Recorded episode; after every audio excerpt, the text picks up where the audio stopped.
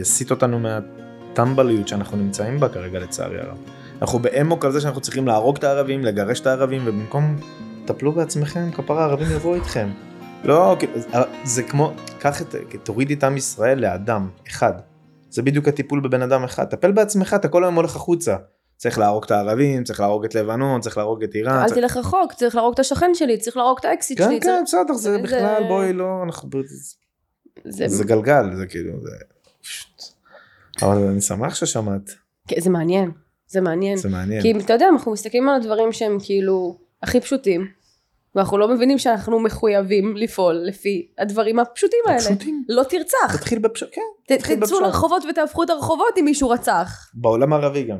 כן? ברור. הם יעשו את זה?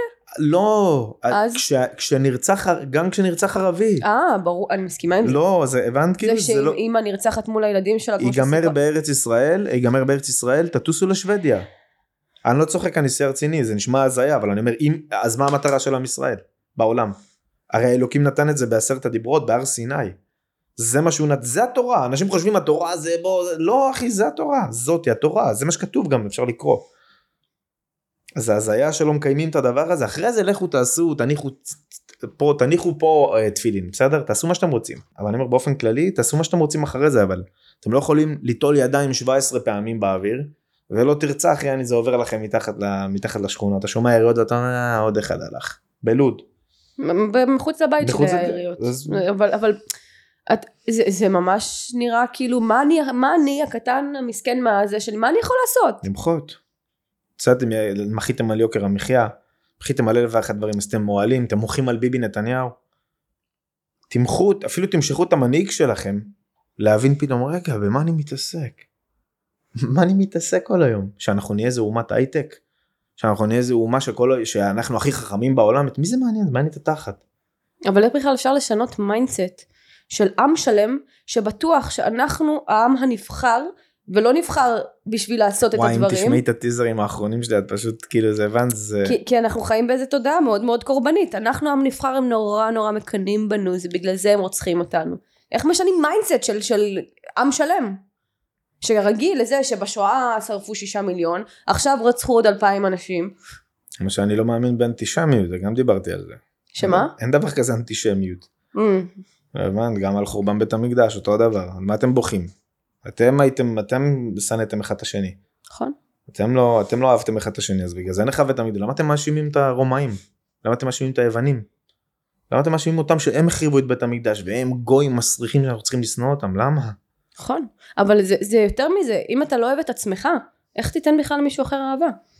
את- זה, כאילו אני יכולה להגיד לך על עצמי שלפני שהתחלתי את התהליך ולהכיר את עצמי בכלל כי רוב האנשים לא מכירים את עצמם מי יכל לתת אהבה אמיתית? אם משהו מילא את הצרכים הנזקקים שלי אז כמו מישהו שנתן לי להרגיש כאילו הוא נותן לי ביטחון או מישהו שבמילים יפות קנה אותי אז חשבתי שאני נותנת לו אהבה. לא ידעתי שאני נותנת לו התקשרות לא בריאה ולא אם הוא היה עוזב זה היה מוות זה היה מוות מבחינתי. אז אה, אוקיי אז אנחנו עושים פודקאסטים ואנחנו מדברים ואנחנו מעלים את המודעות גם לבריאות הנפש גם ל- להסתכל פנימה. אבל וואלה רוב האנשים לא רוצים להסתכל פנימה לא שהם לא רוצים, הם מוסתים. ואתה חושב שאפשר להפוך את ההסתה? בטח, זה הכל, עוד פעם, זה הגוף. הגוף והנפש זה שתי כוחות שמכסים את הנשמה. עכשיו, כל פעם הן נלחמות. יכולה לראות בן אדם שהוא בכושר גופני פסיכי, אבל הנפש לא מתה.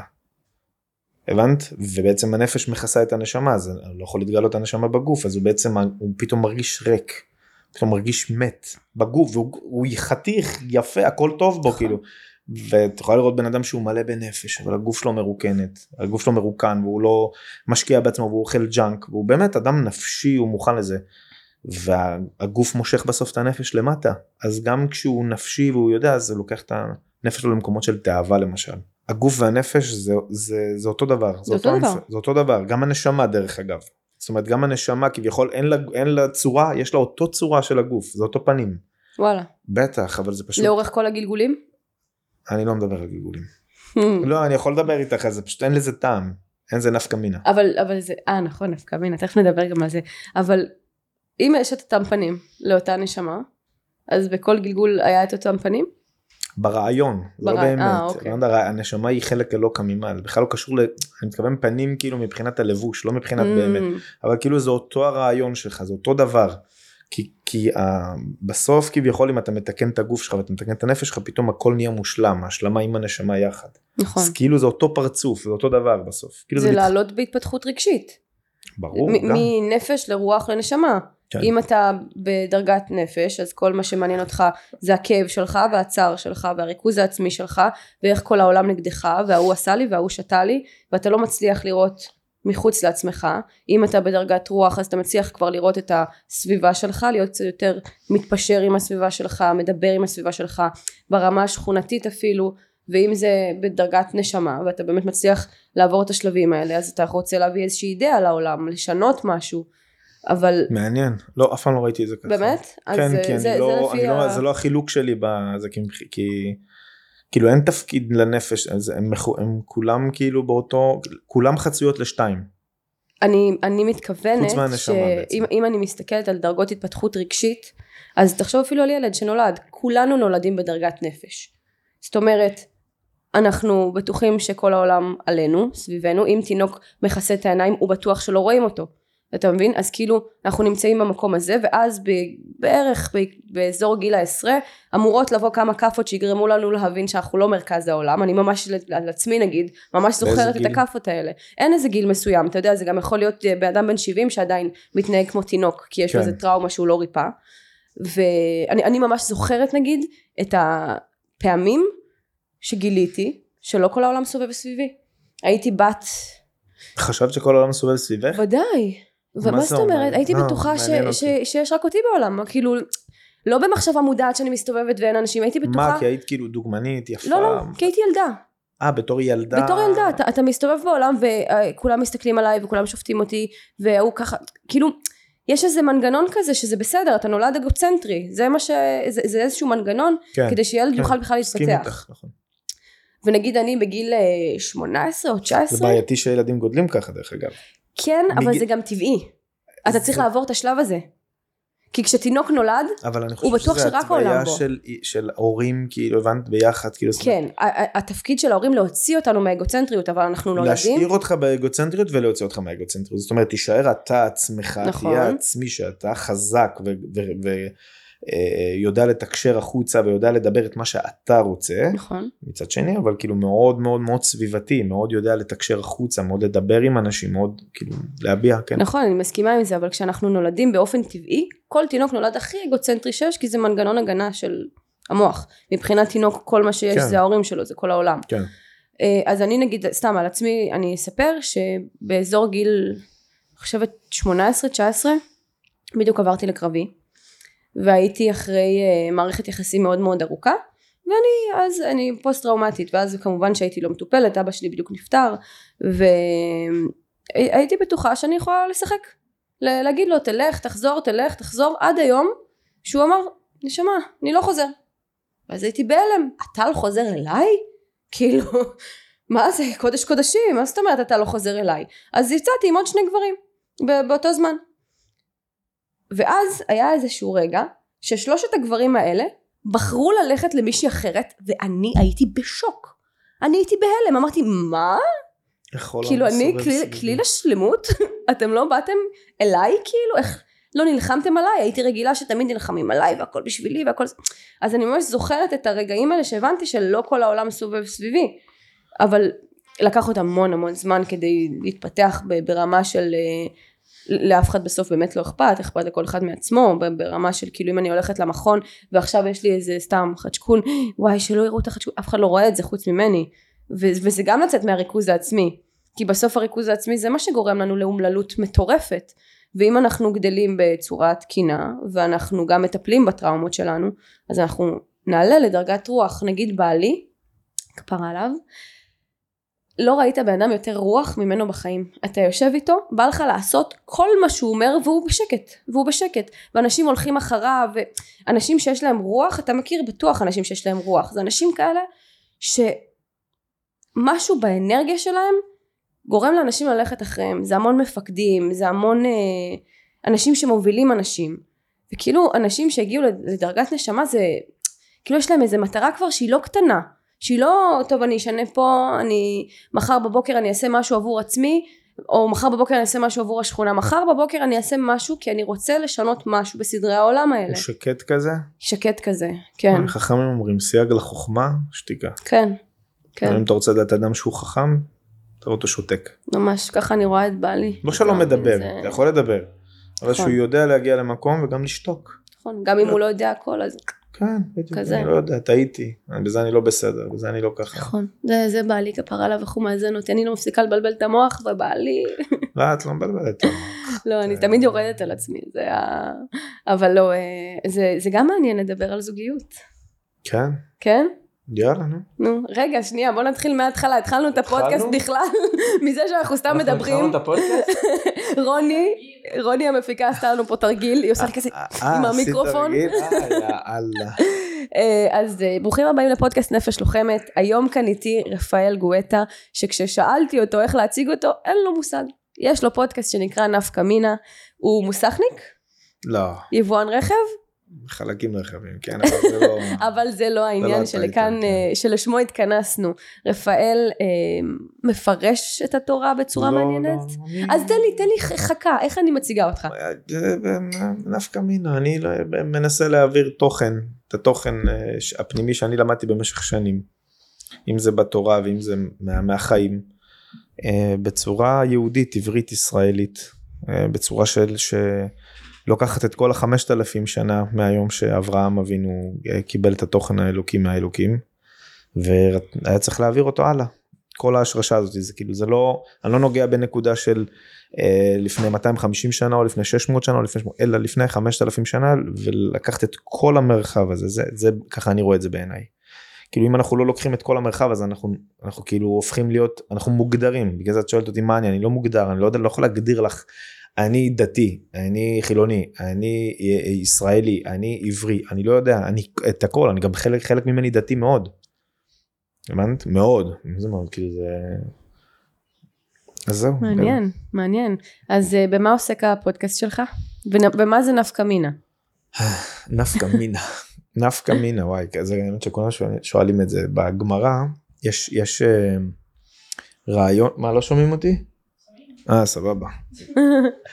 בגמרא יש אה, רעיון אה, שיש דיון בין חכמים שזה סברה שעלתה לאוויר ואז חכם, חכמים שואלים בעצם מהי נפקא מינה מהי נפקא נפקא מלשון מפיק מנה ממנה Mm. מה יוצא לי מזה. עכשיו אמרת משהו מה יוצא לי מזה ואני בעצם ברעיון שלי של נפקא מינה רציתי להביא דברים בתורה כשאני קורא שיש בהם נפקא מינה שאנחנו מפיקים מזה משהו למדת את זה עכשיו יום למחרת אנחנו לוקחים את זה על עצמנו אנחנו פועלים במציאות אנחנו באמת פועלים למע- למען עם ישראל עכשיו לקדם עכשיו את המציאות לא עכשיו איזה רעיון איזה סיפור כאילו ש... אה, אתה בסוף לא עושה איתו שום דבר. אה, זה, זה בעיקרון זה נפקא מינה. ואיך אה, הגעת לזה? אתה יודע, אתה לא נראה דתי, ואנשים יגידו, אה, נו, זה מהדתיים החדשים, שחושב שהוא יכול אה, לפרש את התורה, או להגיד כן. מה היה כאן לפני 5,000 שנה, אבל אין לו ציצית וכיפה. כן. אז אני עד גיל 20 הייתי אה, חילוני שגר ביישוב דתי מגיל 0 גר, ההורים שלי דתיים ומגיל 7 בעצם הייתי אה, חילוני אני יכול להגדיר את עצמי כאילו מדליק אור עושה הכל כאילו וזה מעשן מגיל 11 לא, דברים כאילו הכי ממש לא דתי וחי ביישוב דתי. אה, מתריס אפילו כנגד הדת ממש כן עד גיל 20 ובגיל 20 חזרתי בתשובה ואז התחתנתי אחרי שלוש שנים ונכנסתי ללמוד בישיבה בתור אברך הייתי ארבע שנים וואו. כן למדתי שנים לא סתם לא תפסתי את התורה אז כאילו אז היה לי חזרה בתשובה בגיל 20 ואז אחרי זה נכנסתי ללמוד תורה ואחרי כמה שנים אחרי שבע שנים שהתגרשתי אה, כבר בישיבה אבל היה לי מאוד אה, גם כשלמדתי גם ש... הרי נכנסתי מ- בדרך כלל אדם מתחיל ללמוד מגיל צעיר מאוד מהמם. ואז הוא כאילו מתחתן בתור תלמיד ישיבה ואז הוא הופך להיות אברך. אני כאילו התחתנתי עבדתי ב- עבדתי עם ילדים בכפר ילדים ואחרי שנה באתי לאשתי דאז אמרתי לה שאני מרגיש מנותק. עבדתי שנה עם ילדים ועבדתי לפי הסדר של הפנימייה עצמה. מהמם. ואני בן אדם מאוד אה, הנפש רחבה ומאוד מלא אהבה גם באתי לחינוך ממקום של חזרה בתשובה כאילו של כאילו הכי לב כאילו הבנתי שחינוך שווה לתורה. הבנתי שכל הרעיון האלוקי זה בעצם לח... שנתחנך. וכשהגעתי ל... שהייתי שם אז עבדתי שם שנה. ו... והייתי חי סביב מרובע כזה כאילו הייתי ממש סביב מרובע שכאילו מתישהו הגעתי למצב שאני מת לחבק ילדים ואני לא יכול לחבק אותם כי המסגרת לא מתאימה לזה. אתה צריך שהם ילכו לישון, שהם יאכלו כדורים, שהם יעשו את זה, שארוחת ערב, ואז אתה נכנס ללופ כזה כי יש מדריכים, יש בנות, זה הסדר, ככה עובדים, כי אם אתה תראה רגש, אז יגידו שאתה סמוצ'י פוצ'י והילדים יעלו עליך וידרכו עליך וכאילו, אז הייתי ככה שנה, ניסיתי כאילו, הייתי חמוד, הייתי, אני יודע, אני חושב שהייתי, לא, כאילו, עד כמה שאני יכול. עדיין לי זה לא התאים כי רציתי להעניק אהבה אני לא יכול לא להעניק אהבה. אז זה פירק אותי באתי לאשתי דאז אמרתי תקשיבי אני עוזב את העבודה אני נכנס ללמוד תורה. אני לא יכול כאילו באיזה גיל? נפש שלי מפורקת גיל 24. וואו. מאוחר כן. יחסית לא? כן אה, בטח כאילו כן אתה כאילו בוא תתחיל את החיים בוא תעוף בוא תעשה משהו. כן, ו... אבל אמ, הבטחתי לה ואמרתי לה כאילו אני לא מאמין בללמוד תורה ולא לעבוד, כאילו מבחינתי לא רק שאני לא מאמין, גם אם אני, אתה אומר את זה גם באחד הפודקאסטים, גם אם היה לי כסף, היום, היום בכלל אני יודע את זה, גם אם היה לי 100 מיליון שקל עכשיו לא הייתי יושב ללמוד תורה כל היום. להכריע את המציאות, כי זאתי המציאות. זאת אומרת כל תורה שאין עימה מלאכה, סופה בטלה וגוררת עוון. היא לא רק בטלה, היא גם גוררת עוון. זה דברים שחייבים להבין אותם, אני לא בא לצאת חס ושלום נגד איזה... אה, אה, מישהו שבוחר לעשות זה מי שבוחר שיעשה את זה. כל החכמים שלנו מלפני שנים לא היו לא התנהלו ככה ואף אחד לא התנהל ככה. וואלה. ברור. מה חכמים שלמדו תורה לא למדו רק תורה כל היום מהבוקר עד הלילה? אין דבר כזה אין מציאות כזאת. תורתו אמונתו וכל ה... מה זה? מה זה מאיפה זה? אתה לא מכיר את המושג הזה? שאומרים מכיר, שכאילו אתה צריך רק ללמוד. מכיר ורק... יש מחלוקת בין uh, רבי ישמעאל לרבי שמעון בר יוחאי. מחלוקת מאוד מפורסמת כולם יודעים אותה. אה, רבי שמעון בר יוחאי שהוא ענק הוא גדול אחד מתלמידיו של רבי עקיבא. אה, סבר שאנחנו צריכים ללמוד תורה כל היום. Mm. ורבי ישמעאל סבר מה פתאום. רבי ישמעאל? רבי ישמעאל, כן יש רבי ישמעאל. לא, לא אותו ישמעאל לא, לא, לא, לא, לא אותו ישמעאל, כן בטח יש רבי ישמעאל. זה באמת מעניין, אף פעם לא שאלתי למה. כן, אבל יש רבי ישמעאל. והוא טוען שמה פתאום, תורה ועבודה, אין דבר כזה. וכתוב בגמרא ממש מונחח שהרבה עשו כרבי ישמעאל ועלתה בידם. היה להם טוב, והרבה עשו כרבי אה, אה, רבי שמעון בר יוחאי ולא עלתה בידם. אבל עזבי זה עוד מלא את יודעת מה עזבי העברה הכי חשובה באמת באמת באמת באמת באמת עשרת הדיברות. עשרת הדיברות כתוב את זה בפירוש שחור על גבי לבן. שחור על גבי לבן כתוב אה, זכור את יום השבת לקדשו ששת ימים תעבוד mm. ועשית כל מלאכתך לא רק ששת ימים תעבוד זה לא סתם עבודה אלא תעשה את כל המלאכה שלך המוטלת עליך ביום השבת להשם אלוקיך לא תעשה לך לך שוכב וחמוך וכל אשר לך. זאת אומרת זה מציאות קיימת זה בעשרת הדיברות איך אתם יכולים איך אפשר להמרות את זה. עכשיו לי יש סברה למה אמרו את זה וזה בסדר אנחנו צריכים להבין אם אנחנו לא נבין את המרחב של העולם אז אני עכשיו אצא נגד העולם החרדי ואין לי שום דבר נגד העולם החרדי אני אוהב אותם כגופי וכנפשי הם מדהימים והם עשו את זה בתור מטלה כי לפני 250 שנה קרה מה שקרה. זאת אומרת היה כמה כמה התנגשויות לפני 250 שנה כלליות בעולם גם אם זה הטכנולוגיה שהתפתחה. אם זה האוניברסיטאות שהתפתחו זה, זה מלא דברים שפתאום אה, אה, גרמו לעולם הד... היהודי זה לא היה זה עולם חרדי בכלל כי העולם החרדי נכון. נוצר לפני 230-250 שנה בערך. אבל שם פתאום ראו שהמוחות הכי גדולים שלהם שלומדים ועומלים על הגמרא ושמרו אותה במשך 1800 שנה מתחילים לצאת ל- ללמוד אה, אוניברסיטה והם אומרים וזה הכי נכון בעולם כי הם אומרים אני לומד עכשיו תורה למדתי תורה במשך שנים העולם מתחיל להתפתח טכנולוגית בוא נלך לאוניברסיטה נוציא את התוכן האלוקי שלנו לקדם את העולם. וואו. ברור ואז כאילו ואז אבל רבנים בפנים אומרים רגע שנייה אבל אם אתם בסדר אין בעיה שאתם תצאו אבל רגע תישארו פה ואנחנו צריכים ללמוד גם את התורה כאילו התורה זה החשוב כאילו את מבינה זה דיסוננס זה פסיך. קונפליקט מאוד מאוד גדול ברור ולכן כשאני בא ומסתכל על העולם ואני בא ואני אומר כל אחד מאיתנו הביא לפה משהו. זאת אומרת העולם החילוני ברעיון שלו מלפני 75 שנה שהוא מדהים שהוא יצא מהעולם החרדי כביכול כי זה מה שהיה זאת מציאות, רובם הם רב, ילדים של רבנים. נכון. אז, אז הוא בעצם בא והוא הקים את המדינה פרופר. זה נתן את החותמת. אבל העולם החרדי של היום, הוא שמר על הגחלת של התורה. אם הוא לא היה מביא את הגחלת של התורה, אני לא הייתי לומד תורה. Mm. ולכן, אני, אם אני מצליח לראות את זה בצורה כזאת, אז אני אוהב אותם כנפשי וכגופי, כי מבחינתי הם נותנים לי. ואני לא אומר מה אתם עושים בזה, למרות שיש לי אליהם אה, ביקורת כביכול על, על עצם מה שהם עושים עכשיו, כמו שיש לי לעולם החילוני. זה לא, וזה לא ביקורת חס שלום רע, אלא זאת המציאות, אנחנו לא, אתם לא מצליחים להתאחד, כי אתם כל אחד נשאר במקום שלו. אתם לא מפתחים נפש רחבה להכיל את כל המציאויות.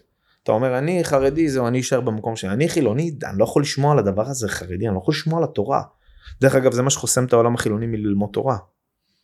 עכשיו אבל אתה לא מרגיש שיש איזה כמו התגברות כזאתי שפתאום אנשים מסתקרנים ושואלים שאלות. מסתקרנים מאוד ל, ל, אני לא רוצה להגיד לצערי כי הם, הם, הם נופלים שוב פעם על תורות חדשות. מה זאת אומרת? התורות בתווך זאת אומרת יש לנו תורות חדשות כמו למשל דברים אני לא יוצא נגדם חס שלום אני כן כן.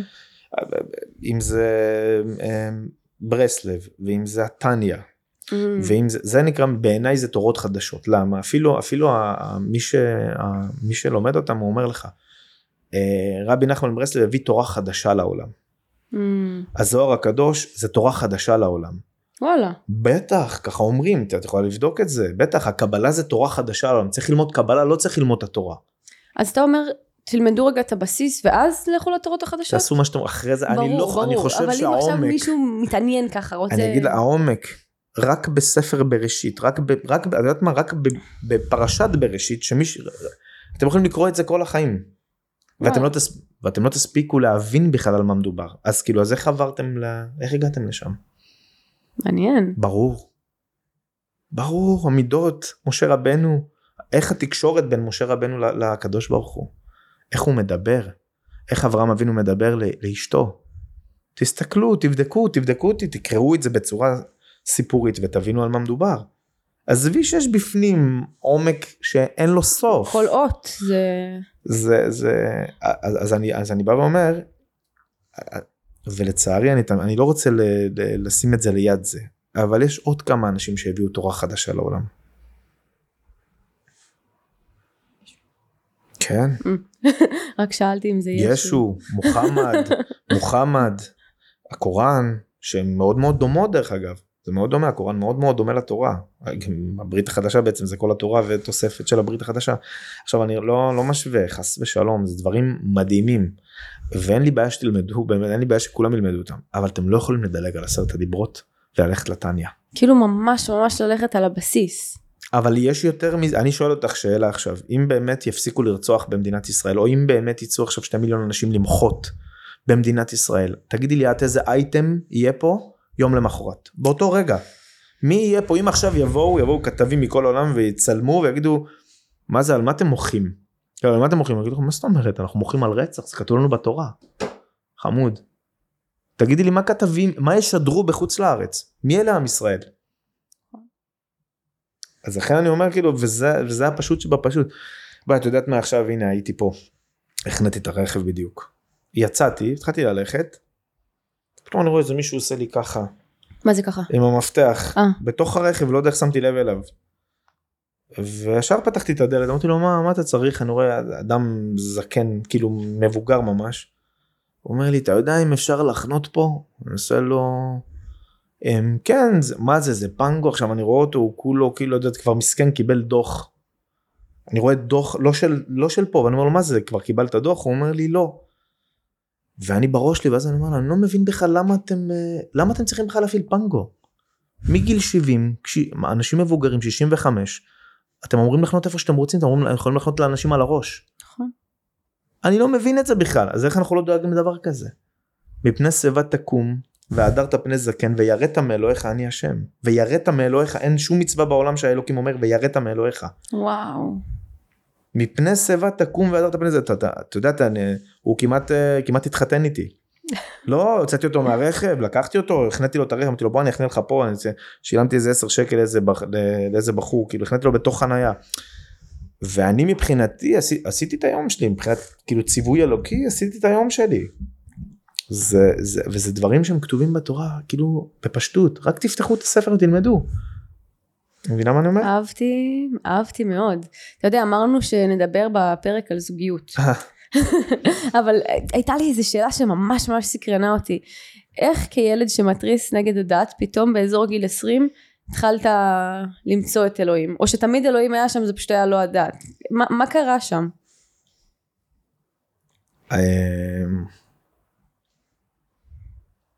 איזו שאלה. זו שאלה. שאלת השאלות. אתה יכול ל- לשתף אותנו. או לשתף אותנו, או לשתף לא איך אותנו. רגע אין לי בעיה לא איך איך איך איך אה, אני, אספר לך על עצמי אולי זה, כי למה זה מעניין אותי באופן אישי? אבא שלי היה דתי. עברתי התעללות מינית מאבא שלי, הוא היה חבדניק, הוא היה דתי. את חב"ד, הוא היה חבדניק? כן. ואני בתור ילדה שאבא אומר לה שאלוהים אוהב אותו, לא רוצה להתעסק עם אלוהים. ואני מבינה שאלוהים הוא רע ומפחיד ומרושע, ואם הוא אוהב את אבא שלי אז בטוח שהוא מהכוחות הרעים נקרא לזה. אה, אז בהתחלה שנאתי את אלוהים, אחר כך כעסתי על אלוהים, אחר כך אמרתי אין אלוהים, ואז באחרית הימים שלי כשהתחלתי לטפל בעצמי ואמרתי רגע לא, לא יודעת מה אלוהים לא אלוהים אני רוצה לטפל בעצמי אלוהים נכנס לתמונה בלי לשאול אותי בכלל. מהרגע שלקחתי אחריות על החיים שלי ואצלי זה הגיע אתה יודע מהכי הרבה כאב עמוק כזה שאמרתי טוב די לא רוצה יותר לבד לא יכולה יותר לבד סחבתי את הכל לבד אמרתי הנה אני יודעת הכל אני יודעת הכל אני לא יודעת הכל אני לא מסתדרים לי החיים, סיטואציות חוזרות על עצמם, משהו פה לא מסתדר לי, אתה, אתה שם למעלה, אתה רוצה לעזור לי? אז מה, איך זה קרה אצלך?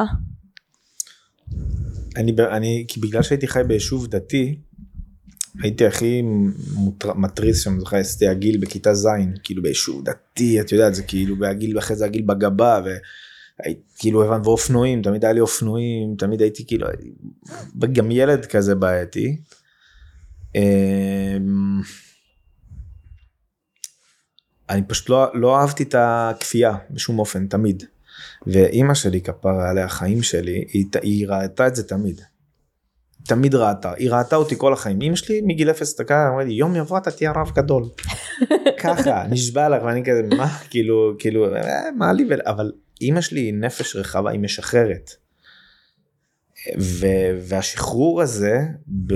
בתוספת אנשים מבחוץ כשאתה יוצא מסתכלים עליך ככה ואל תסתובב עם הילד שלי ואתה שומע גם דברים שאומרים לך גם. אה, בלי שאתה שם לב אה, והדברים האלה הם עוד יותר ואתה עובר ליד הבית כנסת ואני לא אשכח את עצמי. באיזה גיל תשע חתכתי אה, את הצמיגים של האופניים ונשאר כאילו רק הברזל. והייתי עובר ביום שבת ליד התלמוד תורה ביום שבת. עכשיו כשאתה נוסע בלי הזה יוצא גיצים בשבת והייתי עושה חרקות וואו. כן העיקר להוציא גיצים ויצא מי שהיה שם אז הרב של ה... התחיל לצרוח עליי. מה אתה עושה? מה- אני בכוונה עושה לו חרקות רק כדי להתריס נגד ה... הייתי שונא את הדת ברמות שאי אפשר לתאר. אז מה קרה? איך בגיל 20 פתאום אה, אברך? וואו אני אני וואו זה זה אני חושב ש... אני חושב שזה חשוב שאני אדבר על זה. אני זה נראה לי זה פעם ראשונה בחיים שלי שאני מספר את זה בחיים. כן כי זה כי אני כי אני חושב שאם אנחנו נעב... כי זה mindset. אני זוכר שהייתי בן 16 אני בגיל 15 עזבתי את, הבית ספר והתחלתי לעבוד במוסך. אה, כשעבדתי במוסך אה, היה לי שם אה, דוד הדוד שלי כאילו שהוא מנהל את המוסך וזה והיה לו יאכטה. ותמיד הייתי כאילו הייתי בא אליו ליאכטה כזה יושב הייתי כאילו אוהב את זה וזה ו- ואני זוכר שיום אחד אה, אה, חניתי ברמזור כאילו יצאתי כאילו ועמדתי ברמזור והסתכלתי מול שטח ריק. מול הרמזורים זה היה שטח כאילו עד היום כאילו שם אני הייתי כאילו העיר שלי זה קריית גת. והייתי והסתכלתי על כל השטח הזה ואני ובמחשבה מהירה הכל במהירות פשוט התחלתי התחלתי להגיד לעצמי וואי יהיה לי יאכטה ואני מיליונר ידעתי שאני אהיה מיליונר וידעתי שיהיה לי כסף. ואז פתאום כאילו אמרתי לעצמי. אבל מה אני אעשה עם כל הכסף הזה אז הסתכלתי על השטח רק הזה ואמרתי יום יבוא ואני אבנה פה בניין ענק עכשיו הייתי שונא את התורה הייתי שונא את הדת הייתי שונא את כל מה שקשור לזה בגיל 16 וואו. 17 אולי. לא, ש- 17, 17, משהו כזה. הסתכלתי יום אני אבנה מקום ענק שילמדו פה תורה ויהיה בית תמחוי ענק שיאכיל אלפי אנשים ככה זה מה ש... זה מה ש... זה ה mindset שלי. וואו. כן עכשיו מהרגע הזה נהיה לי פתאום דיסוננס במוח. מה הדיסוננס? אתה יוצא למסיבות אתה עושה סמים אתה עושה עוד דברים מלא, מלא דברים אסורים כאילו בזה אתה עושה ומצד שני פתאום המחשבה הזאת כאילו מהרגע שהתחלתי לחשוב על זה כי זה מה שאני רוצה מה אני אעשה עם זה שיהיה לי יאכטה ויהיה לי 100 מיליון שקל בסוף אני רוצה להעניק משהו. כאילו כאילו הלב הפשוט שלי כאילו כן. שלא ידעתי עליו בכלל אני לא מכיר אותו אפילו. כאילו וזה והדיסוננס הזה התחיל לייצר אצלי אה, דיכאון. וואו. כן פנימי בטח זה דיכאון קטע כאילו רגע אז מה אני עושה פה לעזאזל בעולם הזה. אתה ממשיך לצאת למסיבות אתה ממשיך לשתות אלכוהול אתה ממשיך לגנוב ולעשות מלא דברים אחרים ולהתעסק עם מלא מלא שטויות. ו- ו- ולעשן סיגריות אני אומר כי זה לי זה וואו כאילו כשחזרתי בתשובה זה היה אחד מהדברים שהפסקתי גם. והדיסוננס הזה גרם לדיכאון עד גיל 19 וחצי משהו כזה שגם בצבא שלי היה על הפנים הייתי איזה כמה זה שש פעמים שבע פעמים בכלא בכלא הצבאי ברחתי נפקדו כן הייתי בחוות השומר את יודעת מה זה חוות השומר? כן. מכ"ם וזה. אה, זהו ואז כאילו הגעתי לגיל 20 ואז קרה שם איזה מקרה כאילו עם, עם אחד החברים הכי, טובים שלי כאילו היום הוא חסיד ברסלב חזרנו שלוש חבר'ה בתשובה אני חזרתי למרחב הוא חסיד ברסלב היום הוא מוציא טיולים לברסלב וכאלה כן ממש תותח. ועוד חבר שהוא ליטאי אנחנו לא בקשר כל כך כאילו הוא גר בבית שמש אני לא אני רואה אותו פעם בככה בשבתות וזה. אמ, וזהו וואו את יודעת זה אני פתאום מדבר על זה וזה אני, אני לא מדבר על זה בדרך כלל מה שסיפרתי עכשיו לא סיפרתי אף פעם. איזה כיף לי. כן כי זה לא זה גם חשוב פתאום חשב, חשבתי בראש ואמרתי וואלה בטוח יש אנשים כמוני עכשיו בבית שאולי שומעים אותי והם הם, יש להם את אותו דבר יש להם את ה mindset הזה ותדעו שאם יש לכם mindset רחוק אתם תגיעו אליו. כאילו וזה אולי מה שאני רוצה להעביר כאילו אם אתם מרגישים את הלב שלכם תתחילו לצייר. את יודעת אה, חנה אומרת אין צור כאלוהינו. אז הרב קוק מפרש את זה אומר אין צייר כאלוהינו. האלוקים צייר את העולם. העולם לפעמים אנחנו יוצאים החוצה אנחנו רואים. את, ה- כן את זה אתה אומר וואו מה זה איזה ציור ממש זה כאילו. אז גם אנחנו צריכים להידמות לאלוקים תציירו את העולם תציירו מה אתם רוצים לראות כמו שאני מצייר אני אומר שתי מיליון אני מצייר את זה אני אני אני יודע שזה יקרה. הבנת כאילו כי זה מה שאני מצייר לי יום יום. וואו זה מדהים אתה יודע זה כל זרם או דת או קוראים לזה פשוט בשם אחר אז אה, או לצייר לך או תעשה מניפיסטיישן או תזמן לך ו- ובסוף כן. אנחנו כולנו מבינים שיש משהו. אנחנו יכולים לברוא לעצמנו מציאות לא משנה איך תקרא לזה אתה בורא את המציאות של עצמך. אנחנו אלוקים כן. זה מה שאמרתי. אולי לא יהיה לך אלוקים אחרים על פניי. רגע אני רוצה רק להוסיף לאנשי השכל שאולי ככה יש להם איזה בעיה עם אלוהים או לא יודעת מה עם רוחניות.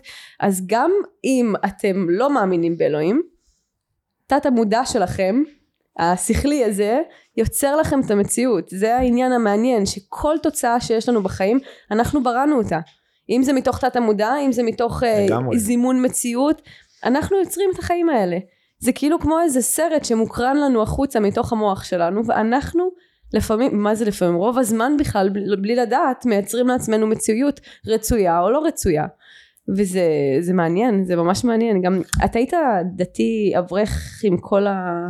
לא לא חרדי דתי לאומי וואלה. לא כאילו לא האמנתי כי- כביכול לא האמנתי בדרך של רק תורה. כאילו Mm. תורה ועבודה אז כאילו אז הלכתי להסדר. זה כזה זה? של חבר'ה זה חבר'ה הסדר זה כאילו הם מוסדרים כאילו עם הצבא. הם הולכים שנה וארבע לומדים בישיבה שנה וארבע הולכים לצבא ואז חוזרים. או Mm, הם עושים שלוש שנים לא משנה אבל הם עושים גם תורה גם צבא וגם אה, זה. ככה הרגשתי. כמו ב- נצח יהודה כזה? לא נצח יהודה זה חרדי. אה. זה זה הם, הם לכל דבר דרך אגב זה חבר'ה שהולכים מלא מלא לכל. היחידות המובחרות כן. אני פשוט בגלל שהאמנ- לא לא אני, אני לא איש צבאי כאילו אני יודע שהיום אם הייתי מתגייס אז אולי הייתי באיזה סיירת מטורפת אבל כאילו היום אני כבר לא אה, אבל אה, אני מאוד מאוד מאמין בדרך הזו של תורה ועבודה אבל אה, כן כאילו אני חושב שגם שם צריך להיפתח. גם שם הנפש צריכה להיפתח זאת אומרת העולם הדתי לאומי מאוד מאוד מושפע מהעולם החרדי. Mm, הבנת כאילו כן. בסוף כאילו הם רוצים נגיד הם רוצים ל- לעשות משהו חדש הם עוצרים כזה לא לא לא אבל יש את הגבולות של ההלכה יש את הגבולות סבבה. אה, אתה יודע מה אני אומר? כן. כי, כי אה, מה, מה העולם, העולם, החרד, העולם הדתי לאומי זה כמו, אה, כמו ילד הקטן של העולם החרדי. שתמיד נותן לו מכות על הראש. אתה לא. בסדר. בטח. בטח. אני אומר את זה, אני, ככה, זוהי דעתי, יכול להיות שאני טועה, אבל כאילו אני אומר, ככה אני מרגיש את זה לפחות. כאילו, הם תמיד כאילו רוצים נגיד לעשות משהו, לא, מספיק שאתם אה, עושים תורה ועבודה, מספיק שאתם עושים את הדבר הזה, חלאס, אתם גם הולכים לצבא בכלל. mm, מה אתה תשתוק צריך לשבת ללמוד תורה כל היום שזה ברור שהתורה זה הדבר הכי מדהים שיש בעולם. אני יכול לשבת וללמוד כל אני יכול לשבת ללמוד כל היום. כל היום זה הדבר הכי יפה שיש בעולם זה דבר השם זה האלוקים עצמו. זאת אומרת איך אתה לא יכול להיות מחובר לזה. אבל בלי שאתה בונה לעצמך תשתית לדבר הזה אתה לא בונה לעצמך גוף או נפש שחושבת מחשבות אה, שהם על הקרקע ולא מחוץ ל, ל, ל, לאטמוספירה אז אתה לא תצליח לה- אתה לא תצליח להכיל את הדברים האלה. יפה. וספר לי קצת, אה, התחתנת בשידוך? לא, לא. אה, אצלנו הרבה זמן. כן אני לא. אז בוא נדבר על זוגיות. יאללה נו. מאתגרת אותו היום. יאללה. אז אה, אפשר לדבר גם על זוגיות, אתה יודע, מדברים שבתורה, מדברים שבמציאות הזאת. הכל זה- ש- הכל בתורה. מה שעולה לך, כן. בבקשה. תתחיל. מה ממה אני אתחיל? מ- מה ש... הדבר הראשון שעולה לך כשאני אומרת זוגיות. איש ואישה. זה ה- זה ה... אבל אני אני אני לא יודע מאיפה להתחיל אני אני כאילו אני אגיד לך מה אני אגיד לך משהו אני קצת לפעמים קשה לי לדבר על זוגיות זה כמו שאדם גרוש הולך להיות אה, יועץ אה, זוגי. שאתה כאילו מצד אחד זה נכון יש בזה משהו צד נכון מצד שני כאילו אח שלי כשלת כאילו אז מה אתה כאילו מה אתה מה אתה בא לזה? עכשיו אני גרוש.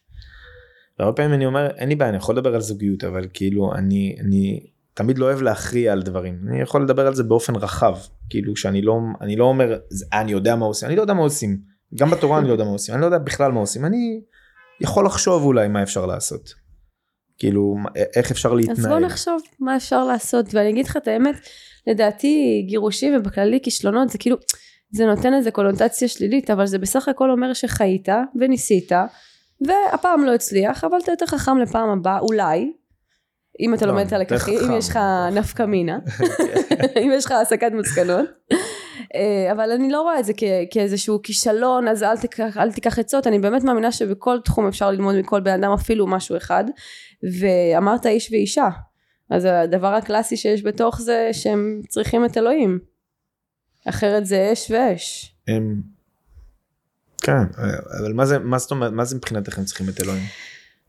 אני חושבת שזה להתחבר למטרה גבוהה יותר. לא בהכרח אלוהים כמו שאנשים תופסים אותו, או...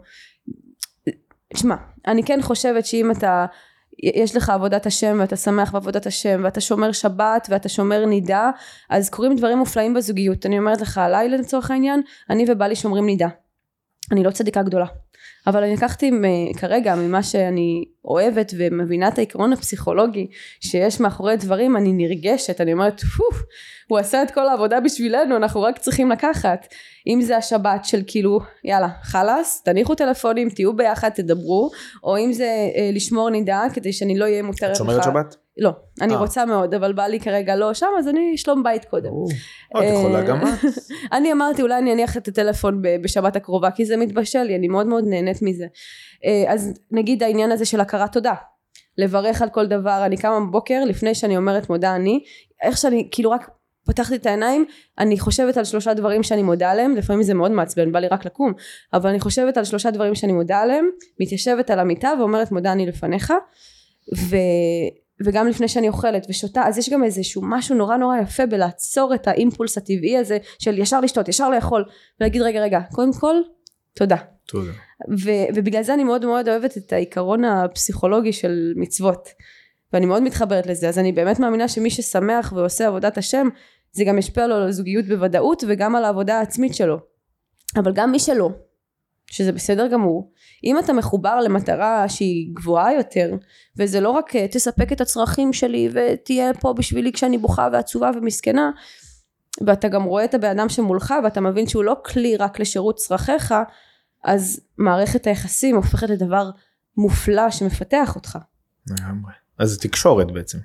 תקשורת. כאילו אני יכול השיח כאילו את אומרת זה השיח שלי וכאילו זה בעיניי זוגיות מה. שמגדיר. לא זה אחד הדברים החשובים זה, נכון. זה שיח קודם כל זה כאילו הרעיון הזה שבכלל לדבר כאילו אנחנו יכולים לדבר על הכל. אני חושבת שמעבר ללדבר על הכל זה גם להבין את הדברים שמפעילים אותנו כי בסוף מערכת יחסים וזוגיות זאת המראה הכי הכי הכי הכי חשובה כמעט הכי חשובה בחיים שלנו אחרי ילדים כי אומרים שילדים זה בכלל המראה הכי מטורפת עדיין לא ניסיתי אז אני לא יודעת. אבל תחשוב שכאילו זה לחיות עם בן אדם 24/7 כל משהו הכי קטן יכול פתאום להקפיץ אותך פתאום ו- ואתה ואנחנו אפילו לפעמים לא יודעים למה זה הקפיץ אותנו. הרי למה שאישה תתרגז על בעלה שהוא לא זרק את הזבל? אוקיי סתם לצורך העניין. אני אני אקרצף את הבית 8,000 אלף פעם ואני אעשה כמה אוכל שהוא רוצה ואני אעשה מה שהוא רוצה ואם הוא לא יעשה לצורך העניין אמרתי לו אחים שלי רק תוציא את הכביסה בסדר? לפני יומיים. והוא שכח. הוצאתי את הכביסה אמרתי לעצמי בואנה יש נשים שהיו מתעצבנות על זה.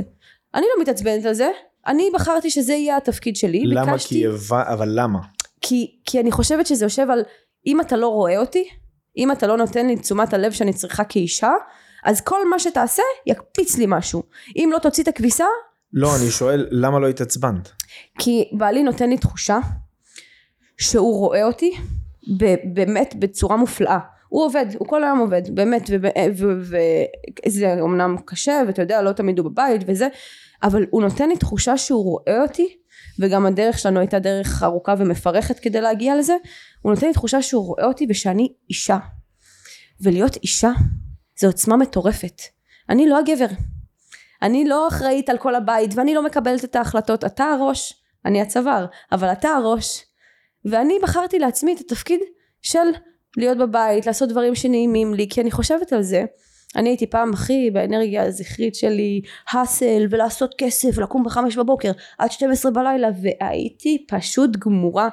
התקפי חרדה היו מנת חלקי ועייפות כרונית ומחלות בגוף ודברים לא עבדו. ואמרתי איך זה יכול להיות? אבל אני עושה כל מה שהחברה מבקשת ממני לעשות. אני אישה חזקה אני עושה כסף אני מפורסמת מה קורה פה? ופתאום כשבעלי בא ואמר לי תירגעי מותק אני כאן. איזה כיף אני יכולה להיות אישה. אז, אז הוא בנחת. בדיוק הוא ברוגע. עובד כל כך קשה ובאמת מפרנס את הבית ועושה כל כך הרבה למען הבית שאני אבוא ואגיד לו למה לא הוצאת כביסה? לא. הוא בא ביום אחרי זה הוא גם בא מעצמו הוא אומר לי איי חיים שלי שכחתי להוציא כביסה סורי. אמרתי לו זה בסדר. אתה מבין? אבל יש נשים שבאמת היו מאוד מאוד כועסות על זה כי אני תמיד חושבת שזה יושב על זה שאתה לא רואה את הילדה הקטנה הזאת. אני יכולה להגיד לך שכשאני נכנסת לאנרגיה הנקבית שלי ליד בעלי וזה קורה לי לרוב רק ליד בעלי אני כמו ילדה קטנה. כמו ילדה קטנה וזה כיף. אני יכולה לשים את הראש ולהישען ולדעת שיש לי מקום בטוח זה. בעולם. אז, אז למה שאני אתעצבן מדברים קטנים? ואתה יודע מה? אם התעצבנתי למה שאני לא אבדוק רגע למה התעצבנתי? הרי אם אני יודעת שבעלי עושה כל כך הרבה למען הבית אני אתעצבן עליו כזה דבר? אז אולי משהו בי כרגע מופעל ממקום אחר. ואם אנחנו לא קודם כל זה תמיד בעיניי זה תמיד מתחיל ונגמר בתיקון עצמי. בלהבין מה מפעיל אותי מה קרה לי בילדות איך אני יכול לטפל בזה איך אני יכול להשתנות. וכשזה קורה ויש מולך פרטנר שרואה את העבודה הרגשית שלך ורואה שהוא ביחד איתך גן עדן גן עדן כל הריבים. הופכים יש לשיחות לכם קשר טוב יש לנו קשר חמסור עבדנו על ברוך הקשה השם אז בסדר פשוט להמשיך זה זה לא נכון. נגמר. לא זה לא נגמר זה, לא נגמר. זה, אני יש לי, יש לי איזה פירמ... יש לי איזה משהו כזה שאני מדבר עליו, שפעם אחת שאל אותי איזה בחור כאילו שאני מכיר, אמר לי רפאל אני לקראת, אה, אני רוצה לדעת אם אני רוצה לבחור במישהי ותגיד לי כמה דברים שאתה יכול, כאילו, דברים ש, ש, שזה זה. ואז אני זוכר שחזרתי להודעה הזאת ואני מסתכל עליה ואני רואה ואני אומר כאילו זה היה כזה בפלאט, תוך, הוא כתב לי את זה, שלוש שניות כתבתי לו את ההודעה כאילו החזרתי לו ממש אחרי דקה כאילו רואים בהפרש של השיחות וכתבתי לו. אמרתי לו ככה דבר א' תקשורת זה הבסיס כאילו זה הראשון כאילו זה שאתם בכלל יכולים לתקשר זה החברות בעיניי. דבר שני אהבה ודבר שלישי אמר, כתבתי לו אפקט פירמידה. תסביר. אז אפקט פירמידה, אז דיברת על זה עכשיו, אני רק אגיד את זה באפקט של הפירמידה, שזה כאילו סוג של רעיון תמידי, זה הגבר וזה האישה, והם תמיד רוצים לרומם אחת את השנייה. זאת אומרת, ברגע שזה ההתבוננות על החיים, אז הד- הדבר הזה של תקשורת אהבה, אפקט פירמידה, הופך להיות מעגל, וזה תמידי. האפקט פירמידה מחזיר אותך לתקשורת ולאהבה וזה תמיד כי אני תמיד רוצה לרומם את אשתי אני תמיד רוצה שיהיה לה טוב. אני- הבנת וההפ- וההפך גם נכון. אני תמיד רוא- בעלי זה וואו זה כאילו ו... ואז חוזרים לתקשורת כי מתקשרים על מה מתקשרים על דברים שקשה לנו להגיד שלא נעים לנו שזה אבל אני רוצה לשמוע אותך אני רוצה להקשיב לך. פתאום פתאום יש את הדבר הזה אז פתאום אוקיי נוצרת אהבה. נוצר אהבה ואז אנחנו חוזרים לאפקט פירמידה כי יש אהבה אני אוהב אותך אז אני רוצה להשפיע עליה. אז קיצור זה גלגל. זה הבנת זה בעיניי זה זה ה... זה בסיס. מעניין, ויש לי לגבי זה שאלה. האם לדעתך תקשורת זה משהו שצריך לבוא מההתחלה? כן חובה. זה חברות. אני אגיד לך מה, בעלי ואני, אני הוא הכיר אותי בשיא פוסט טראומה שלי. הייתי הבחורה הכי בעייתית שאתה יכול לדמיין. מניפולטיבית, שקרנית, שבטוחה שככה העולם. ובעלי ראה גוש זהב מכוסה בהמון המון אבק. והוא אה, היה, נגיד עכשיו היה ויכוח או ריב, הוא היה מדפוס הנמנע, שלא מדבר, ואני מהדפוס המתפרץ. תדבר כבר, וצועקת עליו וכזה. תקשורת לא הייתה שם. שנה ראשונה, באמת, היה לא טוב, בלשון המעטה לא טוב. עם חובות, עם משפחות, עם ריבים, מה שאתה לא רוצה. ואנחנו מסתכלים אחד על השני, בסוף היום, ואנחנו אומרים, איך אנחנו עוד ביחד? איך אנחנו עוד ביחד? ווואלה, היום אנחנו מסתכלים אחד על השני, אין לנו תשובה איך בשנה הראשונה שרדנו את הגיהנום הזה, כי השנה הראשונה צריך להיות הכי כיף. צריך להיות אה, דייטים ופרחים וזה. יצאתם לפני כן כמה זמן? אה, התחתנו אחרי... שידוך? לא. זה צוחק. אה, אה, הוא הציע לי להתחתן אחרי שנתיים, והתחתנו אחרי שלוש שנים. אבל אני חושבת שלפני התקשורת בכלל צריך להיות רצון. כי לי לא הייתה תקשורת, לא ידעתי לדבר, לא ידעתי לבטא את הרגשות שלי. כל דבר הכי קטן שהוא אמר, מסכן, אמר לי אני אוהב אותך, לא אתה לא, הייתי יוצאת עליו, הייתי ממש ילדה פגועה, ילדה פגועה שאפילו לא יודעת שהיא ילדה פגועה. כמה כאלה את חושבת שיש היום במדינה שלנו? אמ, ילדים פגועים או מערכות יחסים כאלה? מערכות יחסים. אני לא יודעת. מערכת יחסים כמו של גל ושלי יש רק לי ולגל. אבל מערכות יחסים לא טובות... אני מדבר מה היה לפני כן. אני חושבת שיש הרבה, כי לפעמים, אמ, בעיקר לנשים, יש איזה דפוס כזה שהן מקבלות גבר, שהוא נורא פצוע כזה מהחיים, ואני אשנה אותו. אני שנה. אוקיי, עכשיו בעיניי, לא. אל תעשי את זה. ברור. לי התמזל מזלי שהגיע לי אדם שהוא פשוט הרבה יותר מאוזן ממני, הוא הרבה יותר מסוגל להכיל ממני, וכל מה שהיה בגל, ועדיין ברוך השם, זה עקביות, ביטחון עצמי, גבריות נשפכת, ולא גבריות של אוגה בוגה, או אני עושה ככה ואני עושה ככה, ו... גבריות כזאת שלא ראיתי זה קודם. הגבריות האמיתית. כן. נכון, וזה גבריות שלא ראיתי קודם. והייתי נמשכת רק. בוגה בוגה. ו... וכאילו, אתה יודע, תמיד זה נשמע בפודקאסט כאילו גל הציל אותי. לא, אם אני לא הייתי עושה את העבודה, גל לא היה. שתיכם, מה זאת אומרת? בדיוק. נפשו קשורה הוא- בנפשו. בדיוק, אני הכנסתי לו המון צבע לחיים. מהמקום השקט והמאוזן שלו, היה שם הרבה אפור ושקט. אני הכנסתי לו מלא צבעים ובלאגנים וכזה. שזה חשוב לנפש מאוד, אז הוא מאוד נהנה איתי, והוא הכניס לי את השקט ואת האיזון, הוא ממש לימד אותי איך להיות בשלווה, כי בהתחלה שלווה הייתה לי מה זה משעממת. בתור ילדה הורית, אה, כן. וואו, הייתי יושבת בסוף היום בסלון, מתחילה לטפס על הקירות, אומרת לו משעמם לי, אבל? משעמם לי, מה עושים. מה עושים? בוא נצא רגע. בדיוק. והוא היה אומר לי, את לא, את לא רואה? את ואני יושבים על הספה, רואים סרט ביחד, רק לזה אני מחכה. ואני כולי כזה, וואו, אפילו לא יכולתי לראות את זה. ואז אז בגלל זה כאילו, אנחנו כאילו יש איזו תחושה שאנחנו רוצים כל הזמן לקבל איזה מוצר מוגמר, שמההתחלה יתאים לנו כמו כפפה ליד. אבל כן. זה לא נכון. אם בסך הכל יש שני אנשים שמוכנים לקלף את הקליפות, אוקיי? כי, כי בחודש הראשון משהו עבד לך, אוקיי? סבבה, אבל אז, אז, אז את כן מסכימה איתי עם תקשורת, כאילו, התחלתית. זה שאתם נשארתם זה במזל. אה, זה, זה נראה לי אופן. בהשגחה. אז כן, מזל, השגחה, גורל, זה לא משנה, זה הבנת כאילו, זה שאתם צריכים להביא... אבל אה, זה היה רצון. זה, זה היה רצון מאוד מאוד כי- גדול. כי, הוא, כי, כי ראיתם את הבפנים יכול להיות. נראה בלי, בלי, הבנתי, עם, עם החיצוניות ראיתם את הבפנים, הוא ראה את הטוב שלך, הוא ראה שאת כאילו... אתה שלו- צודק. למה אתה צודק? כי אני בדיוק לפני גל ויתרתי על מערכות יחסים. אני ממש אמרתי, אני לא מצליחה לבנות מערכות יחסים. אשכרה. כל מה שרציתי לא עובד, ואז אמרתי, אתה יודע מה, אם אני יוצאת לדייט, אז קוסומו, אני בדיוק מי שאני. אני קנאית, אימפולסיבית, עצבנית, ככה אני. אתה רוצה אותי? קח אותי. אתה לא רוצה? אני אמצא מישהו אחר. כי כבר הייתי מותשת מלנסות להעמיד פנים שאני לא קנאית ואני לא עצבנית. וואי. ואז בדבר הראשון, בום, הייתי מתפרצת עליו והוא היה נבהל. אז אמרתי, אוקיי, אם כבר ויתרתי לחלוטין, והבחור היפהפה הזה מזמין אותי לדייט, אני מי שאני. והוא ישב מולי, אני לא אשכח את זה, בדייט הראשון, ואני מדברת ומדברת, אתה יודע, הוא פשוט יושב מולי ככה, ושותק. ואני כולי כזה, אתה לא, לא מדבר גם? כזה, לא יודע, אני נהנה לשמוע אותך. ואני כזה, "ט- טוב, בסדר, אז המשכתי לדבר ולדבר, וכאילו, זה, זה נכון, אני באתי די מותשת ו- ועירומה. לא באתי עם המסכות האלה של, אה, טוב, אני אנסה להתאים את עצמי למה שנראה לי שהוא רוצה. ואז זה הדבר היחיד שהתאים. אז את, את כן צודק שהייתה שם איזושהי תקשורת שמההתחלה הייתה טובה, אבל, אבל זה נבנה, כי זה היה קשה. זה היה יכול קשה. להיות שהוא גם כן ראה את היופי שלך. הבנת? יכול להיות. זה בסדר, יכול להיות שהוא, בואנה, וואלה, יפה, אבל יש בה גם משהו, יש משהו בפנים. אני לא אני הטעם שלו, מאוד- סקופ.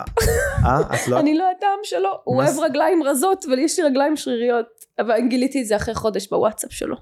שהוא כתב לחברים שלו, יש לו רגליים שריריות, אבל מאז הוא אמר לי, אני לא יודע איך אני פעם אהבתי רגליים רזות, אז שתדע, אני לא הטעם שלו אפילו. אשכרה, באמת? טוב, לא נראה לי שזה... אבל, אה, אבל לא, אני אגיד לך, פשוט, אני חושבת שצריכה לבוא שם איזושהי תחושה שזה נכון, ואם זה נכון, תהיה מוכן לקלף את הקליפות, להתפשט לגמרי ותסכים להיות פגיע. תסכים להיפגע. כן, גברים זה אחד הבעיות הכי גדולות שלהם. נכון. לא רק גברים, באופן כללי, כל קשר. בסופו של דבר אתה מפחד להיות פגיע, למה? כי הבן אדם שעומד מולך הולך להשתמש בחסרון שלך נגדך עוד מעט. אתה חושב? ברור, לא, קודם כל אתה לא חושב שאתה גם מקבל את זה מהעולם. זאת אומרת, אתה, אז מש, עושים לך את זה פעם, פעמיים, שלוש, ואז אתה כאילו, אוקיי, שנייה, נסגר. אנחנו מייצרים את המציאות אנחנו, הזאת. מייצ... אנחנו מייצרים, אבל גם יש את המציאות, זה קורה כאילו, זה באמת קורה. ברור שזה זה קורה. קרה לך כמה פעמים? זה, זה קרה לי בלי שהשתמשו עם סוף. החסרונות שלך, יש איזה חברה. טובה, השתמשה פתאום בחסרון כל שלך? מערכות היחסים שלי באת, לפני גל היו אלימות. וזה. תודה. כולן. פרקת, וואו, תקשיב, אני ככה וזה וזה, ואז יום אחד אה, רבתם על איזה משהו, ואז הוא אומר לך, את רואה, כי את ככה וככה, ו... אבל אני סיפרתי לך את זה מהלב שלי, למה אתה משתמש? נכון? מבינה? וזה יכול לפרק את הבן אדם. ואז אתה כאילו, אוקיי, אני לא מאמין יותר לאף בן אדם, לא מספר לאף אחד שום דבר יותר, חלאס, הוא השתמש בחסרונות אני גבר. אבל, אבל זה, זה שווה לה- להחזיק את הדבר הזה ולא לתת... לא, אבל זה שווה צ'אנס? למצוא אדם שאתה יכול לתקשר איתו, והוא, ולראות באמת בלב שלו שהוא לא ישתמש בזה אף פעם. כי הוא רואה את החסרון שלך בתור יתרון, כי הוא רואה אותך בתור אדם, הוא רואה אותך את מי שאתה בבפנים, ולא את מי, הוא לא איתך בחיצוניות שלך רק, הוא איתך גם בפנימיות, זה לדעתי חיבור. אני מבינה מה אתה אומר ואני פשוט מנסה לחשוב אם לפני שהכרתי את גל לפני שהכרתי את גל נעתי בין הקיצוניות שלא לסמוך על אף אחד לבין לשים את מרצי בכל אדם שפגשתי זה היה תמיד קיצונים כי ככה אז פוסט טראומטי עובד אני אומר לך משהו באמצע, כאילו. בדיוק אז מה שקרה לי עם לבחון. גל זה האמצע אבל אני שואלת את עצמי אם לא כאילו לא ידעתי לבחור אנשים לפני זה גם אם עכשיו בא לי מלאך משמיים לא יכולתי להאמין שהוא מלאך משמיים אתה מבין? כאילו הדבר שהיה עם גל שקרה עם גל זה שהוא פשוט קודם כל לא התרגש מההצהרות שלי.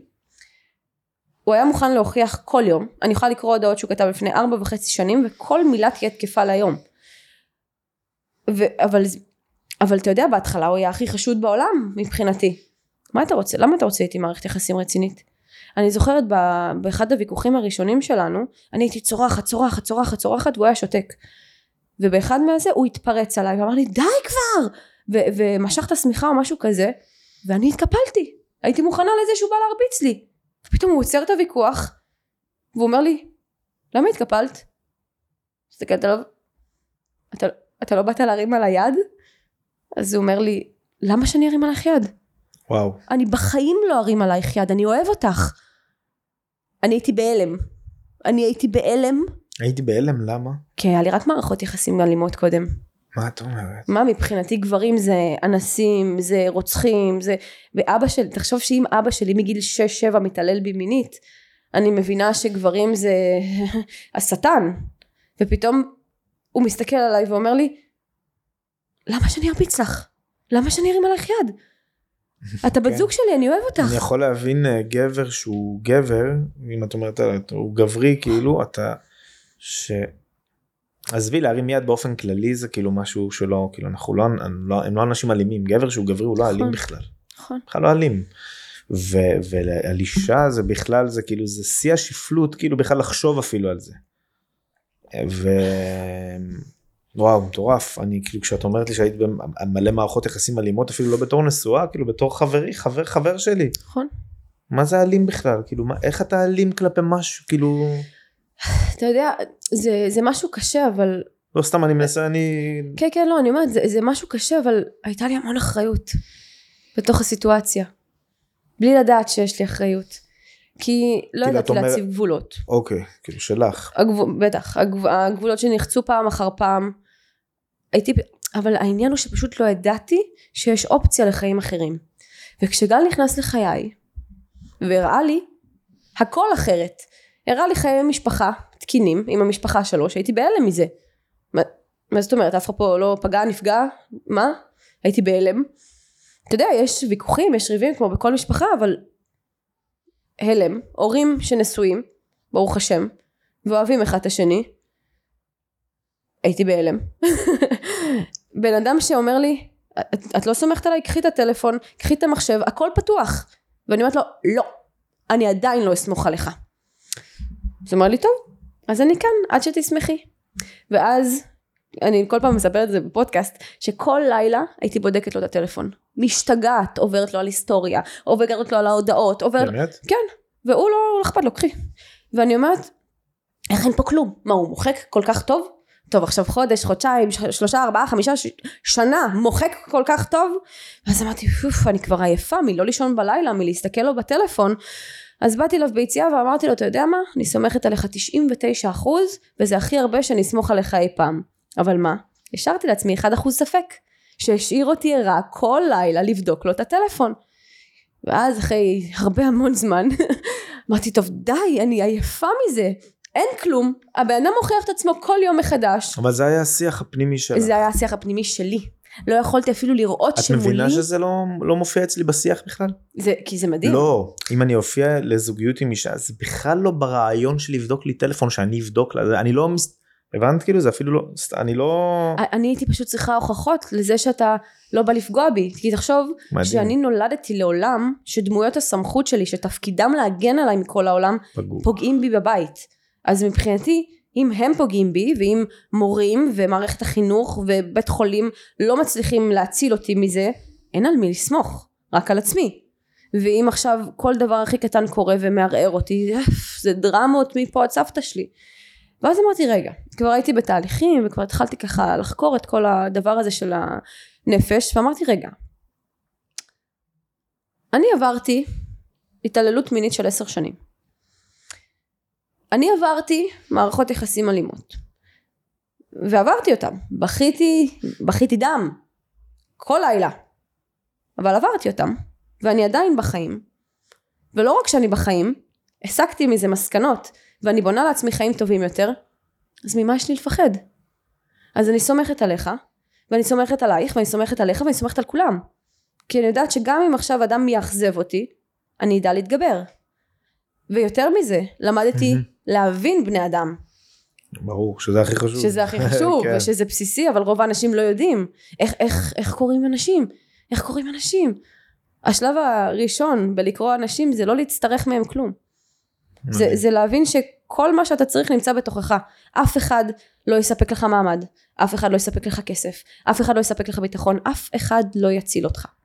אף אחד. בסוף, בלילה, אתה הולך לישון עם עצמך, עם הראש שלך, עם כל מה שקורה לך שם, אף אחד לא בא להציל אותך. ממש אני תמיד אומר הביחד הכי גדול זה הלבד. איזה כיף זה. ברור. אבל איזה כיף שאתה לומד להיות עם עצמך לבד, אה, בלי איזה אני חולה על ג'וינט הלבד שלי. בלילה. חול. אני חולה על הלבד שלי. אני הלבד שלי, אני מכור ללבד שלי. אני מכור לעצמי. איזה כיף. כן, לא, לא כאב, אני פשוט אוהב לדבר עם עצמי. אני אוהב לשוחח עם עצמי. כי עצמי זה בעצם האלוקות. בדיוק. וזה... זה אבל מפור- יש שם מקום למישהי? אמ, לכל המאזינות המעוניינות? למישהי, אה, כן, כן, אני, אני דש בזה הרבה בתקופה האחרונה, בדיוק אה, גרושתי התחתנה לפני יומיים. אה, ברוך מזל טוב. השם, שמח בשבילה. אמ, כן, יש מקום, אבל, אבל יש הרבה פערים, יש הרבה דברים, יש לי קודם כל את הילדים שלי. אמ, ואני גרוש עם שתי ילדים, אז כאילו, אני יותר מכיר גרושות, ועם רווקות קצת לפעמים, יש לי איזו הרגשה כזאת שאני פשוט, כאילו חומל עליהם באיזשהו מקום כאילו אני לא יכול להכניס אתכם למרות שהילדים שלי מי, ש... מי שיזכה בילדים שלי כאילו זה ילדים פשוט. וואו הם יצירה אלוקית אמיתית אבל כאילו פנימית זה כאילו זה משהו ואני אומר מי, שיזכה, מי שתזכה בהם כאילו זה זה מטורף אבל כאילו אני כל פעם יש לי איזה מין. מה איך אני אכניס אותך לחיים שלי כאילו איך אני אכניס אותך כאילו זה, זה בית כבר כאילו. ומצד שני כאילו אה, גרושה עם אה, שתי ילדים נגיד אז כאילו מה, למה אני צריך להביא לילדים שלי כאילו עכשיו את החיבור הזה ועוד שתי ילדים שייכנסו להם לב- או משהו כזה. אז אני כל פעם אני כאילו נקרא ב, כאילו הבנת אני בדיסוננס כזה כל הזמן שכאילו ואני תמיד זה הם כאילו ב... את יודעת כאילו להתגרש התגרשתי בבום כאילו בשבילם וואלה. ברור ברור זה בשביל הילדים שלי התגרשתי מה- למה? כי אם לא טוב בבית הרי ילד, ילדים היום אנשים לא מבינים הדפיקה הכי גדולה של ילדים זה כשאבא נכנס הביתה אחרי העבודה ואמא לא רצה לחבק אותו ולנשק אותו. אם ילד לא רואה את הדבר הזה זה חורבן הבית וואו. ברור. וכשאני ראיתי צמרמורת. כן בטח כשאני ראיתי אני הייתי עובד אה, הייתי אני גר בנוקדים והייתי יורד לדרום אז בתקופתו לפני שהתגרשתי. הייתי יורד לדרום לעבוד במוסך ובזה והייתי חוזר אחרי זה יום יומיים ואני זוכר את היום הזה שהחלטתי שנכנסתי הביתה ואני רואה את ה... רואה את הילד שלי את יאיר חיים שלי ו, ואני נכנס הביתה וזוכר היא שטפה כלים או משהו וזה ו, ואני ו, והיא לא באה היא לא כלום כאילו לא כלום כאילו עכשיו יומיים לא הייתי בבית אתה גבר של הבית. אני ראי תביני אני כאילו בעיניי זה כאילו חיבור בין גבר לאישה זה דבר מטורף כאילו כשזה לא קרה לי שבע שנים אז בכלל זה התפוצץ לי המוח אבל. ואז ראיתי את, את יאיר מסתכל כזה על המציאות הזאת בכלל על זה שכאילו מסתובבים אליי כזה וכזה כאילו "אה". ופשוט הוא השפיל את הראש שלו. ברגע שראיתי את זה עוד פעם יכול להיות שזה משהו שלי אבל כאילו כאילו הוא, הוא, היה, הוא היה בצער כי הוא לא רואה את המציאות הזאת של אהבה של חום שזה מה שילד צריך. והיום כשאני בא ליאיר לבית ספר אז אבא שלו חונק אותו בנשיקות. הנה זה מטורף זה כאילו גם את הילד הקטן שבכלל שילה זה כאילו הוא רץ אליי שילה? חיבוקים שילה. וואו איזה שם. כן, יאיר שילה. וואו. יאיר את המשכן כן. ו... ו... זה אה, זה מטורף זה מטורף וכן אנשים תשימו לב לילדים שלכם לא מהצד של מה יקרה אם אמא ואבא יתגרשו אז כאילו הם, הם יחוו לא אם הם יחוו אתכם לא בטוב. אז תתגרשו כדאי לכם או שלכו תטפלו בעצמכם שזה גם משהו שאפשרי. כמובן. כן אבל יש יש דברים שכאילו אם אין תקשורת עוד פעם תקשורת זה בסיס זה חוט ושאין תקשורת שבן אדם מסתכל עליך כאילו באיזה מקום של כאילו בוז מי, קודם כל מי אתה בכלל. נכון. הנה אני אני לא אוהב לדבר על עצמי אבל אני אני ככה אני תמיד רואה את זה אני אומר הייתי היה, היה לי תקופה כל כך מטורפת בישיבה זאת אומרת הייתי אברך בישיבה ולא הייתי מוכן אה, שלא יהיה לי עבודה אז אז הייתי לומד עם ילדים בתלמוד תורה. הייתי אה, בשעה אחת הייתי מסיים סדר בוקר כאילו היינו לומדים עד, עד הבוקר הייתי לומד הלכה. הייתי מסיים הייתי הולך ללמוד עם ילדים בתלמוד תורה מ-1 עד 4 4 חוזר סדר ערב עד 7 בערב. ואז פעמיים בשבוע הייתי הולך לעבוד משבע בערב פעמיים רק פעמיים בשבוע החלטתי אני פותח מוסך פעמיים בשבוע בערב שבע בערב הייתי הולך לעשות טיפולים עושה צובע רכבים עושה תאונות כל מיני דברים כאלה. ו... ואתה יודע הייתי כאילו גם אברך גם מביא כסף הביתה לי שתי רכבים בבית הייתי עשיר כאילו ברעיון שלי כאילו הייתי מרוויח מלא כסף היה לי ברכה מטורפת כאילו בגלל שהייתי לומד תורה. ו... ו... וכשאתה רואה, כשבן אדם רואה את זה, אתה רואה אותך גם, היה לי, יש לי, גם הוצאתי תואר בחינוך, דרך אגב, עשיתי בית ספר בגיל 15 וחצי, יש לי תואר בחינוך מיוחד. וואו. כאילו גם, ראיתי על עצמי, אני לא אהבתי אף פעם לנכס לעצמי תארים, או שאני משהו בעולם הזה, אבל, אבל כאילו אתה מסתכל, אתה אומר, תשמעי, כפרה, אני גם לומד תורה, אני גם עובד, אני גם לומד עם ילדים בתלמוד תורה, גם התעסקתי הרבה בחסד, כאילו, ואני כאילו, וכאילו, זה היה המרוץ של החיים שלי. כל היום זה, תורה, חסד, בר... אתה אומר, מה, איך בן איך את לא רואה את זה אפילו? בואי נדבר על זה אפילו, בואי תספרי לי. אולי לא היה שם מקום בשבילה עם כל הדברים שעשית? גם יכול להיות. נכון, יכול, יכול להיות. יכול להיות, אבל ניסיתי לתקשר את זה, ניסיתי Mm. לדבר את זה. אז בואי, אין מקום, בואי, אני רוצה ל... אני לא חושב שלא היה מקום. אני לא חושב, כן, כי, כי, כי...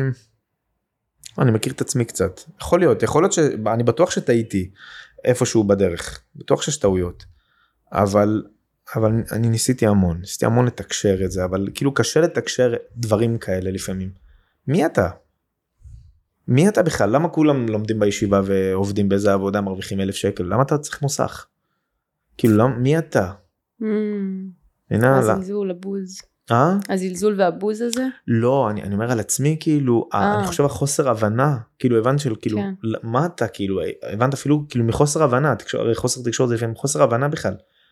כאילו, נכון. מה אתה קופץ קופץ, כאילו, אני ב, ב, בפשטות, עכשיו, זה קשה לפעמים כשאתה בגודל, אני יודע שאתה פתאום מבין, נגיד, אם אתה מבין, נגיד, התוכן האלוקי, שזה עצום, אני, אני מביא אותו היום ל, ל, לשיח, ואני אומר, כאילו, אני חי ככה 13 שנה, יש לי דברים כתובים מלפני 10 שנים, על אותו עיקרון בדיוק כמו שאני מדבר עכשיו. ואני חי את המציאות הזאת ואני הולך איתה כאילו ב... ברגוע ואני נושם אותה ואני מעכל אותה כל היום כי זה ענק. כי זה עצום. הבנת כאילו איך אני מקבל את התורה הזאת וואו. רק בנחת. רק ברוגע. כאילו, אתה אם- גם משרה רוגע, נכון? כל האנרגיות באולפן כזה פתאום. כן, אה, כיף. כן, כי זה, חשוב, זה הכי חשוב, נחת זה הכי חשוב ב, בעבודה הזאת. יש זוג בתנ"ך, בתורה, שהוא כאילו השראה כזה. כי כאילו אתה יודע, אני מכירה ממש באופן בסיסי את סיפורי התורה, אני מודה, אבל uh, יש איזה זוג שכאילו, וואלה, ככה זוגיות צריכה להיראות? אני לא יודע אם זה זוגיות או יותר היחס כאילו של הגבר לאישה תסביר. ביהדות. היחס של אה, נגיד דוד. אם זה לבת שבע. אה, כל מה שקרה לא, לא, לא ביחס של אוריה החיטים את מכירה כן, סיפורים כן, כאילו שהוא לקח אותה. אז כן אז אחרי זה נולד אה, ילד כאילו והילד אה, מכירה את הסיפור באופן כן, כללי כן. ואז כאילו אחרי זה הוא ניחם אותה ונחמיה והוא אז בא ושכב איתה ונולד בעצם שלמה המלך. אחרי הילד הזה. אז ה- ה- השיח שלו גם לגבי אה, נבל הכרמלי אבישג השונמית אני כבר לא זוכר מי הייתה אשתו. אה, נבל הכרמלי. אה, אבישג השונמית הוא כבר- אני כבר לא זוכר מי אבל היחס שלו כלפיה. היא רצה אליו היה סיפור כאילו על נבל הכרמלי. שהוא אה, וואי סיפור ארוך אני לא אכנס אליו אבל באופן כללי היחס אז זה פחות הזוגיות כי אני לא יודע אני לא, לא או היחס של רבי עקיבא לאשתו רחל כאילו המציאות של היחס או כמובן אברהם אבינו לשרה. שזה וואו קלאסי. כאילו אה, אה כן קלאסי, זה כן. כאילו יעקב רחל ולאה יצחק האבות זה בעצם בכלל זה, זה המקומות הכי הכי מדהימים. אמ, גם משה לציפורה כאילו אתה רואה בשיח שלהם השיח, השיח שלהם הוא מאוד מאוד תמיד בא ממתחת. תמיד בא למטה תמיד כאילו מה מה מה אתם מה את צריכה בואי תגידי לי. ובעיניי אני כשאני רואה את זה בתור כאילו זה יכולות אלוקיות. כאילו הבנת לבוא כאילו ולרדת ולא לראות את האישה לצערי הרב כאיזה אמ, אני שומע את זה אה, לצערי הרב בתקופה האחרונה. אפילו אתמול שמעתי את זה מבחור חילוני. שמה? ואמרתי לו הוא אמר משהו כן אישה ככה. כאילו הגדיר מציאות של אישה באישה ככה. עכשיו אמרתי לו תשמע שנייה רגע תראה שים לב מה אמרת חזרתי אותו למילה שלו אמרתי לו תראה איך הגדרת מציאות לפי הכלל לפי מה שאתה שומע מבחוץ במקום שאתה תגדיר מה זה האישה שנמצאת מולך. ואז כאילו ה mindset שלך כשאתה בא פוגש אישה לפי מה שהכלל אומר לך ככה אתה מתנהג אליה. במקום רגע שנייה מה אני איך אני רואה אישה כשאני פוגש את א' איך אני מדבר אליה. כאילו איך אני מציג את האמת שלי כלפיה. ואני חושב שהרבה פעמים ההתנהלות הסביבתית שלנו היום גם מול אישה מול איך להתחיל עם אישה כאילו אני אומר הרבה אנשים היום האנשים הכי כאילו מצחיקים היום מתחילים עם נשים למה כי יש להם אומץ נכון. כאילו ואתה כאילו לפעמים אני עומד כזה וואי לי יש לי איזה סיפור על זה. אני בכלל אני בעייתי בזה ממש אני בולע לשונות ברמה פסיכית כאילו. כאילו ויש לי את זה אני יכול לדבר אני יכול להגיד הכל אבל כאילו אבל לא אני בולע כי אני בולע כי אמרתי לך יש לי את הדיסוננס הזה בין האישה הגרושה עם שתי ילדים לבין אה, Mm. רווקה אז כאילו מה אני מציג לך כאילו מי אני כאילו מי, מי אני בכלל שאני אבוא אליך עם שתי ילדים ובכלל אתחיל איתך כאילו אני מבינה כאילו מה אז זה קשה לי. אמ, אבל כן בתורה ברור זה. כן. אני רק אגיד לך משהו אחד. האישה שתהיה איתך ועם שני הילדים שלך תזכה. אז אל תחמול, תרחם על מי שתקבל את החבילה הזאת כי היא תקבל יופי של חבילה. כן. זה משהו חשוב. לא, ש- אז אני, אני, בטוח, אני לא בטוח, אני חושב שכן אולי, אבל כאילו, ה, ה, אני חושב שזה משהו בבפנים שלי, מה שמונע, זה לא באמת, אני לא... משהו כאילו, איך, איך אני אעשה את זה, כאילו, הבנת, כאילו, איך אני... זה קשה, זה קשה, בסדר, אני עובד על זה, זה עבודה השם. בנפש, לאט לאט, כן. ברוך השם, יש עוד משהו שאתה רוצה להוסיף, לשתף איתנו? כי תשמע, זה מעניין, ואני יכולה להמשיך לדבר איתך עוד איזה כן, חמש שעות. כן. אז אם העוקבים שלנו ככה יאהבו וזה, אז אנחנו נעשה בעזרת השם עוד פרק על דברים אחרים, בכיף. כמו הורות, עשרת הדיברות, מידת האבהות, דברים שאתה טוב בהם. כן. אה, ויש לך עוד משהו שאתה רוצה להוסיף? מסר, משהו? אם קודם כל שמחתי לשמוע ממך כאילו את ה... את מה ש... כאילו לא ידעתי שככה עבר דברים כאילו כאלה קשים כאילו זה באמת. מאתגרים, אה? מאתגרים. הם כן מאתגרים לא זה גם מאתגר מאוד אפילו ו...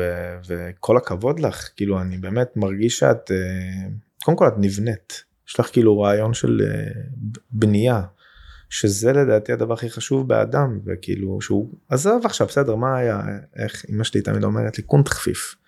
מה זה? קונט חפיף. מה זה? במרוקאית יעני תשחרר יעני הכל חפיף יעני תעשה את זה.